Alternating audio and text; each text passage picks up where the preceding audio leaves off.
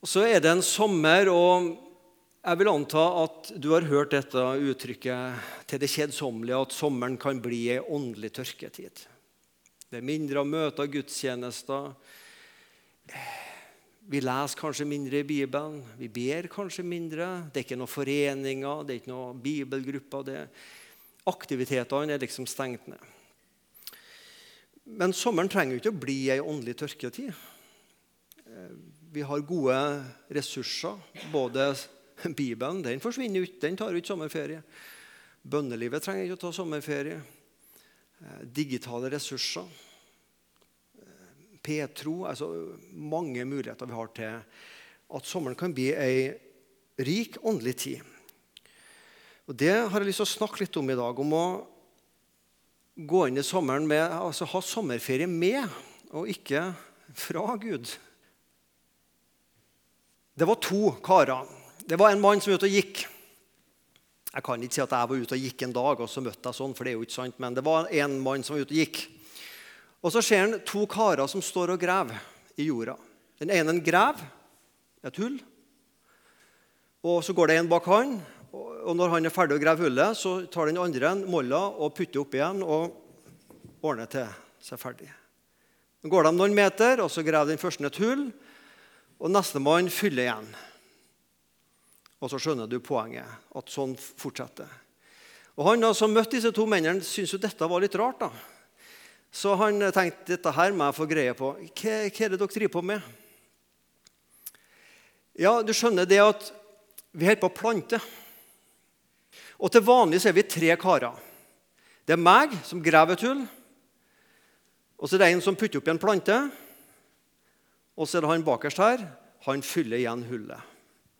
Men nå er det sånn at I uka her så har han nummer to han har sommerferie. Men vi to vi gjør jobben vår. Og hele forsamlingen lo av min gode vits. Nå lo dere, ja. Det er jo en karikatur. Men det skal de ha, de to karene. De krangla ikke, var ikke uenige. De gjorde jobben sin. Men de gjorde jobben av plikt, og det var ikke noe hensikt med det. Men de holdt iallfall fred med hverandre. Og Så skal vi lese et avsnitt fra 1. Korinterbrev, kapittel 3, vers 5-10, der plantebildet går igjen.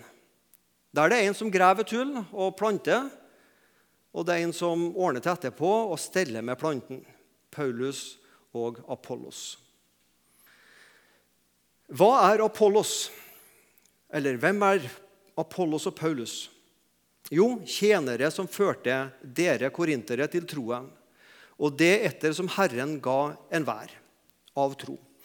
Jeg plantet, sier Paulus, Apollos vannet, men Gud ga vekst.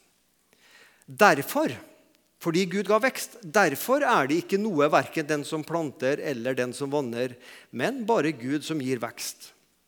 Den som planter og den som vanner, de er ett. Men enhver skal få lønn etter sitt eget arbeid. Merk deg den setningen. Enhver skal få lønn etter sitt eget arbeid. For vi er Guds medarbeidere, og dere er Guds åkerland, Guds bygning. Etter den Guds nåde som er gitt meg, har jeg, Paulus, lagt grunnvoll som en vis byggmester, og en annen bygger videre på den. Men enhver ser til hvordan han bygger videre to bilder. Planteriket og byggebransjen.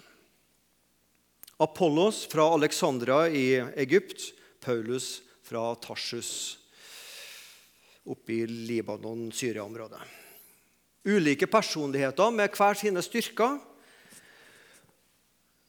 Og så hadde det kanskje vært sommerbibelskole eller et annet i Korint. Og så hadde både Paulus vært der, og så hadde Apollos vært der liksom skikkelige kanontalere. Yes! Og da er det jo sånn at Når det er talere, så er det noen som liker han best, og noen liker, noen liker hun best. og så er, Nei, den er bedre på det, og hun er bedre på det. ikke sant? Så får man sin favoritt. En tidligere forsamlingsleder her i Misjonssalen, Odd Dubland, har sagt det følgende den, Nå skal jeg ikke si det på rogalandsk, men Den predikanten som har hale, med han er det noe gale. Ja, og Hvis vi bare hører på én predikant, og han er så god, og du bare hører hans taler, så går du kanskje glipp av noe annet som han ikke var så god på, men som en annen predikant er god på. For du og jeg, vi trenger variert kost. Det er flere enn dine favoritter som har Den hellige ånd. Paulus var gründeren, menighetsplanteren, som grov i jorda, som satte ned planten. Og Så kom Apollos etter og var den som stelte med planten. Menighetsarbeideren som kanskje ble der en stund, organisert, administrert osv. Hva vet jeg. De hadde hver sine gaver. Men Gud gav vekst. Glem aldri hvem som skal ha æren. Det er ikke vi mennesker med våre nådegaver som skaper vekst. Men det er Gud. Men han bruker oss med våre gaver natur- og nådegaver. Vers 8. De som vanner og de som planter, er ett. Å bygge misjonssalen, bygge Guds rike, det er et teamarbeid. Vi har felles oppdrag, felles visjon. Vi har felles arbeidsgiver. Det er bare to av oss som er ansatt, da. men alle har vi samme arbeidsgiver med oppdraget Gud. Og Det er fordi at Guds rike er et teamarbeid. Paulus kan si, Derfor er det ikke noe den ene eller den andre. Men til sammen er vi noe. Det er viktig å gå på en fotballbane for å, å, å prøve å skåre mål og være god. Men det er langt viktigere å gå på en fotballbane for å gjøre dine medspillere gode, har et klokt hode sagt. Og Sånn er det også i Guds rike. Det er viktig du kommer til misjonssalen og tjener i NLM og med det du kan men at vi i tillegg kan gjøre hverandre gode, er veldig viktig. Men enhver skal få lønn etter sitt eget arbeid, sier Paulus. Å vanne og gjødsle min egen plante og bygge mitt eget hus og ta vare på mitt eget liv, åndelige liv. Hvem er Paulus? Hvem er Apollos? Jo, begge var tjenere som førte dere til troen, skriver Paulus. Både meg, Paulus og Apollos vi hjalp dere til troen. Tjenere som førte dere til troen. Og Så stiller jeg deg og meg sjøl følgende spørsmål. Er du en tjener som fører deg sjøl til troa? Eller sitter du bare og venter på at en superpredikant, en pastor, en god tale på nett skal føre deg til tro? Er du deg sjøl bevisst at du har et ansvar for å føre deg sjøl til troa? Og bygge oss opp på vår høyhellige tro, som det står om i Nytestamentet. For det koker ned til dette hvem er det som har ansvar for ditt åndelige liv? Jo, det er jo Gud. Men hovedansvaret for ditt åndelige liv, det er ikke meg eller Solveig. Det er ikke en generalsekretær, det er ikke en barnelagsleder osv. Du har hovedansvaret for ditt åndelige liv. Men enhver skal få lønn etter sitt eget arbeid. Hva slags arbeid legger du ned i ditt liv for å gi næring til troa di? Det vil lønne seg eller ikke lønne seg. Enhver må se til hvordan han bygger videre eller steller på planten. Vi som er predikanter vi er flinke til å fortelle de troende at det er viktig å ta til seg Guds ord, at det er viktig å be, at det er viktig å gå på møte. at det er. Men kanskje er vi ikke like flinke til å fortelle hvordan kan vi gjøre det? Hvordan kan jeg stelle min egen åndelige plante og ta vare på mitt eget åndelige liv? Det blir mange att, og kanskje ikke så mange hvordan. Hvorleis, hvordan. Så i dag så skal jeg gi deg noen B-vitaminer som du skal få suge på ut gjennom sommeren og gjerne hele året. Det er viktig å få i seg B-vitamin. Og Jeg googla dette B-vitaminmangel. Hva skjer med et menneske som får for lite B-vitamin? Jo, da blir jeg irritabel, ja, det står altså irritabilitet, depresjon, trøtt, svimmel, dårlig balanse. Og så overfører vi det til åndelig betydning. ikke sant? En irritert kristen. Dårlig balanse i kristenlivet, kanskje? Ja, Du er med på bildet. Det skjer noe med deg og meg hvis vi ikke får tar til oss disse åndelige B-vitaminene. Og I resten av talen så skal du få hele ni B-vitaminer. Og akkurat nå tenker flesteparten i alle dager. Han skal sikkert bruke et kvarter på alle sammen. Og ni stykker, da er vi altså ferdig klokka halv to. ja. Det skal bli veldig kort. Du skal få en liten smakebit, og så får du prøve å utforske dem sjøl. Dette er ikke noe sånn hokus pokus og nye ting jeg fant på. For vi kjenner de fire b-ene fra apostelens gjerninger. Bibel, bønn, brødsbrytelse, broderfellesskapet. Så skal du få noen til.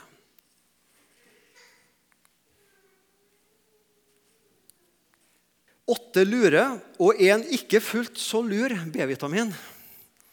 Og Den som ikke er fullt så lur, skal vi ta mot slutten. Førsten er Bibel. Der er det mye gode B-vitaminer i. Og det jeg gjør nå, det er at jeg gir deg noen få konkrete små tips, og så kan du ta med deg en eller to av dem. Følg en ettårsbibel. Bestem deg for å lese ett vers, eller ett vers, ett kapittel gjennom hele sommeren. Ja, hvor var det jeg slutta hen sist? Eh, var det i Romerbrevet, eller var det i Andre Mosebok? Her skal du få et konkret tips. Sommeren er tid for å utforske andre deler av Bibelen du kanskje ikke leser til vanlig. Ordspråkene. Og hva er det som er så glimrende med ordspråkene? I tillegg til å være Guds ord? Jo, det er 31 kapittel. Og juli har 31 dager. Så da liksom er du i 5. juli, ja, men da leser du 5. kapittel av ordspråkene. Er du 28. juli, ja, da leser du 28. kapittel. Så har du liksom. Da trenger du ikke å tenke på hvor var det jeg slutta hen sist. Du leser det kapittelet som datoen er. Et konkret og godt tips. Les en salme, f.eks. Les den to ganger. Første gangen leser du Salme 51 rett gjennom. Andre gangen prøver du å sette inn ditt navn i det som står. Oi, så ble det mer personlig. Gode, små tips. Bønn. Finn fram sangboka eller salmeboka slå opp på bønn, bønnesanger, og bruk en salme, bruk en sang fra sangboka som en bønnesalme. Altså som, du, du ber den. Det er et godt tips. Sommeren er jo tid for å gå ut langs sjøen eller i marka eller på fjellet. Vi har litt bedre tid. Så jeg kan jo ikke gå gjennom juli og si at jeg har ikke tid til å be. Jeg har jo aldri hatt så mye tid til å be som jeg har når jeg har sommerferie.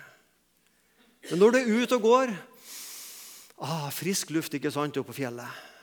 Du kjenner liksom du slapper av. Og, og så har vi kanskje våre bønnetider. og Jeg har bestemt meg jeg skal be ti minutter for dagen. Og Så bruker jeg å sitte i den stolen der. Men nå er jeg jo på hytta eller på fjellet, og da er jeg jo langt unna den stolen der.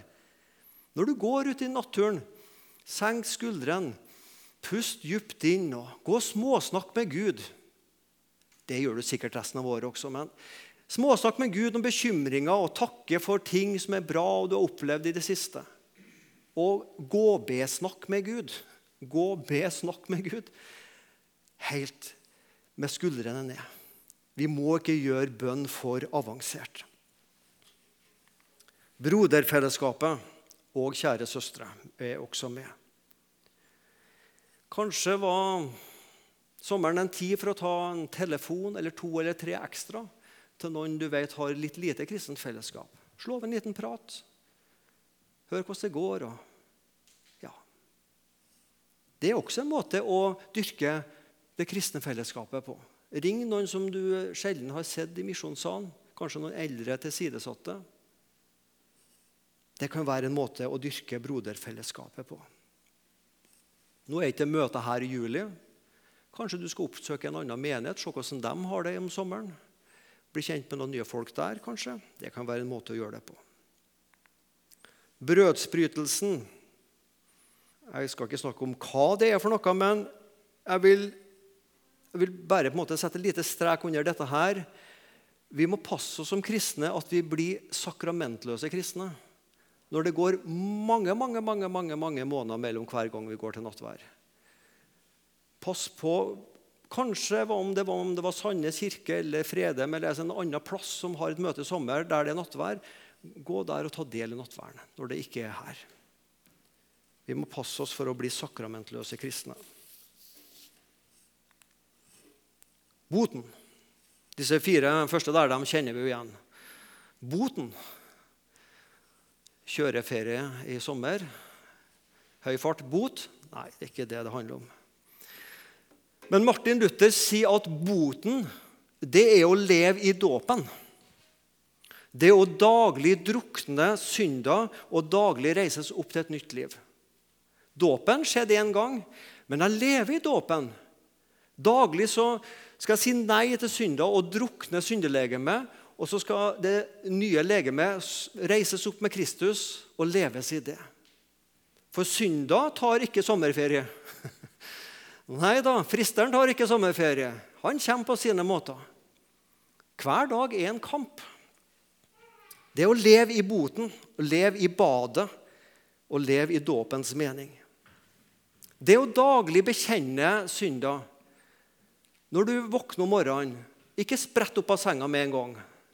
Noen av oss har den feien at vi spretter opp med en gang. Andre kanskje blir liggende for lenge. jeg vet ikke, men Ta ett eller to minutter der du takker Gud for en ny dag, og så ber du for noen, og så tar du en liten prat om gårsdagen, kanskje. Og så plutselig så blir du påminnet i synd. Og så gjør du opp den der og da med Gud. Ikke samle opp gjennom hele uka for å ha et sånn generaloppgjør på søndag kveld. Men, men lev i det hele tida. Det er å leve i boten. Nummer seks betro seg. Finn én, to mennesker som du kan snakke med om livet ditt og kanskje be sammen med og lese i Bibelen. Les i Bibelen, be, snakk om livet. Det er det vi kaller medvandring. Mange av oss er dårlige på det. Jeg tror spesielt oss menn kanskje trenger å strekke oss der. Ha noen som eh, en åndelig samtalepartner det tror jeg både er en mangelvare, men også en lengsel blant mange av oss. Bruk sommeren på en to eller tre samtaler med noen. Det er en fin investering. Det er en god B-vitamin. Bøker. Og Du ser jeg fant fram to bøker der. 'De venter' og 'Håpets Gud'. Les bøker som bygger, forankrer og bevarer din kristne tro. Hva skal jeg lese? Det fins mange sjangre. Eh, andagsbøker, biografier, kristne romaner, misjonsbøker, oppbyggelsesbøker, fagbøker og bøker om Bibelen, bøkenes bok. Og Så tok jeg fram disse to her for å sette et sånn lite strek under misjonsbøker. Er det lille heftet av Asbjørn Aavik som mange av oss har lest kanskje flere ganger fra Kina for ca. 100 år siden. Vekkelsen under Marie Monsen og mange av disse tingene der. Hedenskapen i Kina. Det er en bok som aldri har gått av moten, sjøl 100 år etterpå. Og Marit Tingbø, vår egen Marit, som forteller fra Kenya og Tanzania. Hun er jo god til å skildre og skrive Marit. ikke sant? Jeg tror mange av oss som er her, har lest bøker av Marit. Sommeren kan være en fin ting til akkurat det. Nå har du fått sju b-er. De to siste skal jeg bruke litt mer tid på.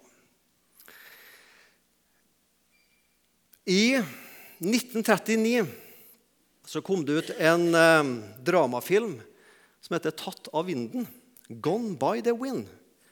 Det har vært litt i media i siste, for der er liksom eh, ikke kjønnsforskjeller, men altså raseforskjeller. Hvit og svart. Litt veldig tydelig i den.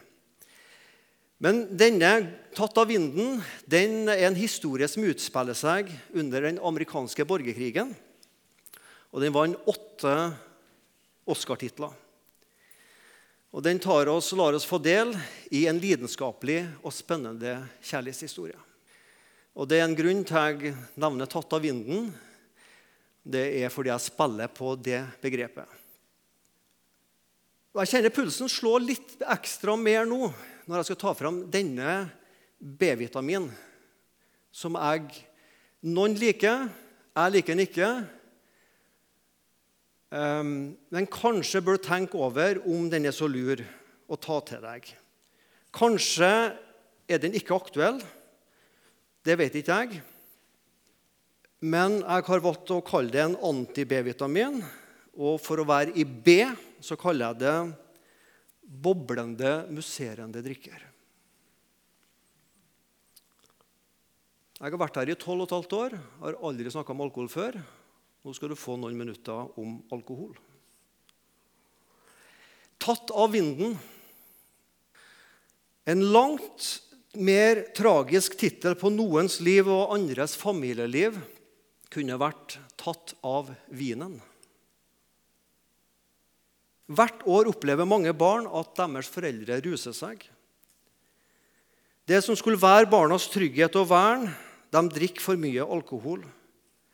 Og Når jeg nevner det nå, så er det fordi at ofte så skjer det i forbindelse enten med jul, høytider eller spesielt om sommeren. Sommerferien. En tid i året mange barn har høye forventninger til og gleder seg til. Men fridagene sammen med familien ble vond og vanskelig i stedet. Barnet blir trist og lei seg når det opplever at alkoholen setter en stopper for feriekosen. Eh, ordspråkene 23. Se ikke til vinen, hvor rød den er, hvordan den perler i begeret, hvor lett den går ned. Til sist biter den som en slange og hogger som en hoggorm. Da vil dine øyne se merkelige syner, og ditt hjerte snakker tull og tøys. Han fikk sagt ord på det. Alkoholholdige drikker kan helt sikkert smake godt. Og jeg, du hører meg ikke si at å drikke alkohol er synd. Det sier jeg ikke. Men det kan bli til synd hvis det blir for mye. Og at det kan smake godt og skape lystig stemning, ja. Men jeg har en par spørsmål. Tre spørsmål. Er det egentlig greit å drikke alkohol foran barn? Hvor går grensa? Og jeg tror alle foreldre kan stille seg følgende spørsmål. Hvor mange glass tåler barnet mitt?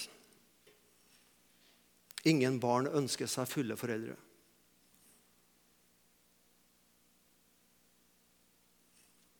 Du hadde kanskje ikke venta en sånn B-vitamin her i dag, men jeg tenkte jeg nevner den. Til den kristne friheten så hører det til du kan drikke alkohol. Det står ingen plass i Bibelen at det er synd. Men tenk over er det så lurt. Og i alle fall, hvor lurt er det hvis det er barn til stede? Da er det iallfall ikke fullt så lurt. Og så overlater jeg det til din kristne frihet. Den siste B-en jeg skal stoppe en par minutter for, det er å bie. Og Da tenker jeg ikke på sånne svarte gule som drar og flyr om sommeren. Men jeg tenker på verbet 'å bie'. Det bruker vi ikke. Det fins forresten en sang som vi som er rundt 50-årene, og vi var ungdom en gang i forrige årtusen. Da var det en sang som heter sånn 'Bi på Herren vær ved godt mot' lurt lenge på hva det betyr. Bi på Herren. Det betyr å vente på Herren. I, i Grimstad så finnes det en plass som heter Bieheia. Det er en plass utenfor byen der du venta litt før du dro inn til byen. Eh, I Oslo Bislett betyr egentlig 'bi så litt'. Vent nå litt. Det var siste stoppestedet, sånn vanningspost for hestene. Så de skulle få seg noe friskt drikke, og du kunne vente litt før du dro inn til byen. Bi så litt, vent nå litt. Det er bakgrunnen for ordet Bislett.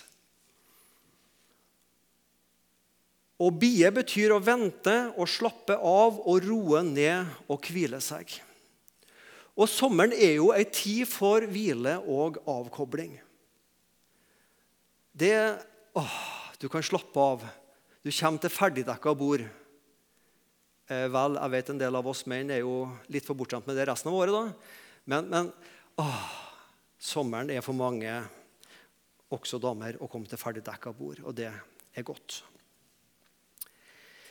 Og Her har jeg et bibelord fra Jesaja 28, 16, som passer veldig godt til 1. Korinterne 3, for her snakkes det også om en grunnvoll. Men så vil du se at jeg har brukt litt feitere skrift på den siste setningen. Jesaja 28, 16. Derfor sier Herren Gud, se, jeg har lagt i Sion, Jerusalem, en grunnstein, en prøvet stein, en kostbar, fast hjørnestein. Og Vi som har lest Nytestamentet, vet at dette verset er sitert flere ganger i Nytestamentet om Jesus. Han er vår grunnstein, han er grunnvollen, han er den som vi bygger på. Og Så har da Jesaja med en setning ekstra. Den som tror, haster ikke. Altså Når Bibelen skal revideres i 2050, så vil det stå 'Den som tror, stresser ikke'. Ikke sant? Den som tror, tar det litt med ro. Hm. Ikke med ro med misjonsoppdraget, men det å tro er også å slappe av og hvile i Guds nåde. Kanskje noen av oss trenger å øve oss litt ekstra på det i sommer. Å hvile i Guds nåde når vi hviler på så mange andre måter. Hvile i det som er ferdig. I min ungdom så kjøpte jeg husker jeg kjøpte en sånn stor plate, en sånn vinylplate. Og Der var det en sang, en som heter Trygve Vikstøl, som hadde skrevet sanger der. Og Der var det en setning som gikk sånn. Og Det er liksom som om det er Jesus sjøl som sier det. Slapp av da, lillebror. Jeg vet hvor veien fører. Du skal bare ta det helt med ro. Hvil i min nåde. Se oppad, se fremad. Du kan bare ta det helt med ro. Ah, jeg hviler i Guds nåde. Jeg hviler på grunnvollen. Jeg hviler i det som er ferdig. Jeg hviler i noe som er utafor meg sjøl. Slik Egil Granhagen så sterkt minner oss på i Kristi himmelfartsprogrammet om han. Kristentroa handler om noe som er gjort utafor meg sjøl, og det hviler jeg i å bie og hvile. Men å bie også å vente. Liker du å vente? Nei, ingen liker å vente. Ingen av oss liker å vente på folk som er alltid for sein. Ikke jeg heller, så da passer jeg heller på å være fem minutter for sein sjøl. Så får andre vente på meg. Da slipper jeg å vente på folk. Spøk. Det er så kjedelig å vente på ting. Livet går seint uten framdrift. Tenk bare når vi var barn. Søndager var jo kjedeligste dagen i hele uka. Det gikk jo så seint. Og foreldrene skulle jo sove så mye. Herlig hva de skulle sove på ettermiddagen. Ble jo aldri ferdig den dagen der. Nei, vi er ikke vant til å vente. Men Bibelen snakker om å vente, og vente med hensikt. Peter skriver i sitt andre brev når alt skal gå i oppløsning på denne måten, hvor hellig og gudfryktig bør dere ikke da leve mens dere venter på at Guds dag skal komme og er med og framskynder den? Da skal himlene bli fortært og vill, elementene skal brenne og smelte. Men etter Guds løfter venter vi på en ny himmel, en ny jord, hvor rettferdighet bor. Det å være kristen er å bie, det er å vente på noe godt som ligger foran oss. Det beste i vente. Men i ventetida så setter vi ikke oss ned på stolen på rumpa og sitter og tvinner tommeltotter og sier Jesus, nå begynner det å bli Ja, må snart komme igjen, ja. Nei, vi er aktive. Vi er med å fremskynde Hans komme. Er med i misjon i Guds rike. Men vi venter på det aller beste. Nå får du en sommer foran deg. Jeg har gitt deg en liten smakebit av noen B-vitaminer. Gitt deg noen konkrete tips. Plukk opp én, to og tre av dem, og prøv det i sommer. Så skal jeg også skjerpe meg og prøve én og to og tre av dem som jeg har anbefalt for dere. Så kan vi få på en måte, stelle vår egen plante i sommer. Bygge eller vedlikeholde huset som er ferdigbygd for oss. For å være i bildet som Paulus snakker om til korinterne. Sommeren trenger på ingen måte bli en åndelig tørketid. Når vi møtes i august, så kan vi møtes enda åndeligere rike enn vi går inn i sommeren. Det er mulig. Hvil i Guds nåde. Herre Jesus Kristus, takk for du har gitt oss gode verktøy, gode B-vitaminer, lure ting å gjøre for å stelle vår åndelige plante.